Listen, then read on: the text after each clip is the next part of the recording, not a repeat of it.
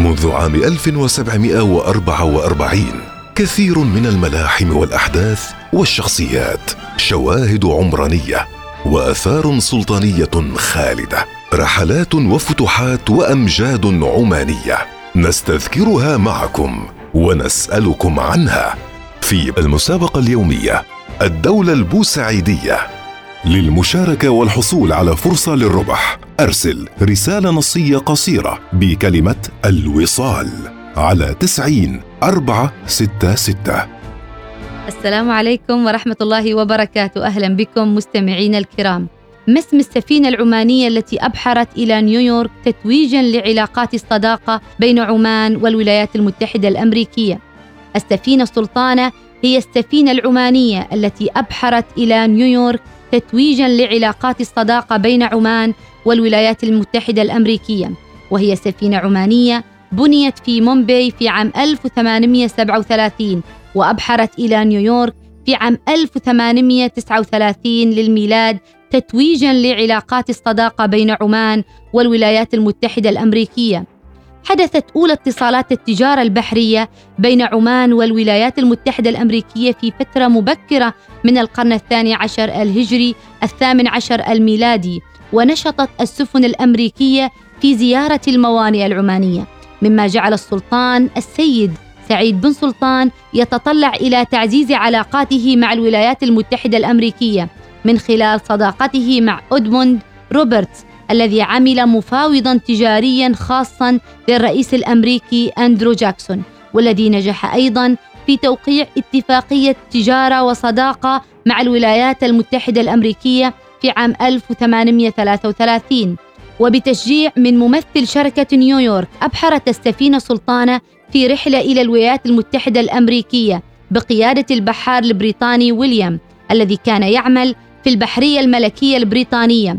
وكان على متن السفينة أحمد بن النعمان الكعبي ممثلا للسلطان سعيد بن سلطان وهدفت هذه الرحلة إلى تعزيز التجارة المباشرة واستيراد البضائع الأمريكية على سفن عمانية عوضا عن الاعتماد على تجار من طرف ثالث. توقفت السفينة سلطانة بعد دورانها حول رأس الرجاء الصالح في جزيرة سانت هيلانا في المحيط الأطلسي ودخلت ميناء نيويورك في عام 1840 ووجد أحمد بن النعمان الكعبي ترحيبا في نيويورك من أعضاء المجلس العام للمدينة والتقى عمدة نيويورك فيليب هون وغيره من المسؤولين وقام بجولة في نيويورك زار خلالها معهد العميان ومركز رعاية الصم والبكم ومرسى حوض الأسطول الحربي الأمريكي. كما زار خط سكة حديد لونج آيلاند وتجول بالقطار في ضواحي مدينة هيكسفيل وقد نشرت مقالات عنه وعن عمان في صحيفة نيويورك ديلي نيوز. كما توجد صورة جدارية لأحمد بن النعمان من ضمن صور تذكارية في قاعة بلدية نيويورك. قابل أحمد بن النعمان الكعبي في الرحلة ويليام ستيوراد حاكم نيويورك وريتشارد جونسون نائب الرئيس الأمريكي وسلم ابن النعمان رسالتين من السلطان سعيد بن سلطان إلى الرئيس الأمريكي. وسلمه أيضا هدايا من السلطان سعيد وكانت عبارة عن جوادين عربيين وعقد من اللؤلؤ والأحجار الكريمة وسبيكه من الذهب الخالص وسجادة حرير فارسية وزجاجة من عطر الورد وعباءات كشميرية مطرزة وسيف مطعم بالذهب. أما هدايا الحكومة الأمريكية إلى السيد سعيد فقد تضمنت أسلحة نارية وبنادق وذخيرة ومرآتين ثمينتين وشمعدانات مزخرفة فاخرة. حملت السفينة سلطانة أيضا إلى نيويورك التمور العمانية وسجاد الصوف الفارسي والعاج والقرنفل والبن.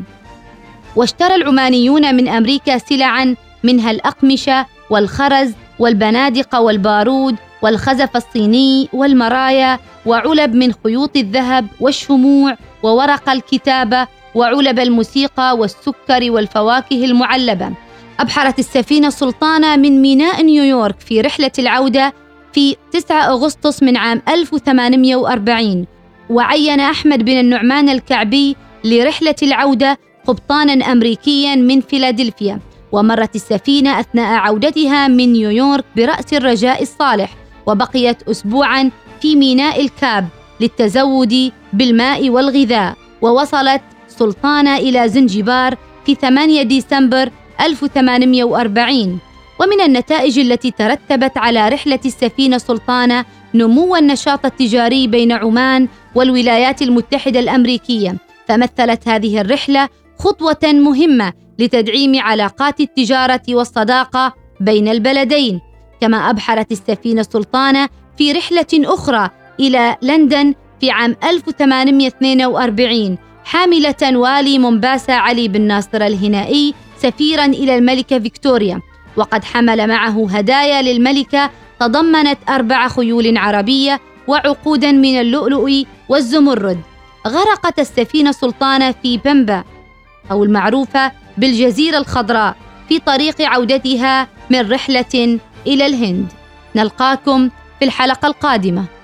المسابقة اليومية الدولة البوسعيدية. مسابقة الدولة البوسعيدية مع الدكتورة أحلام الجهورية.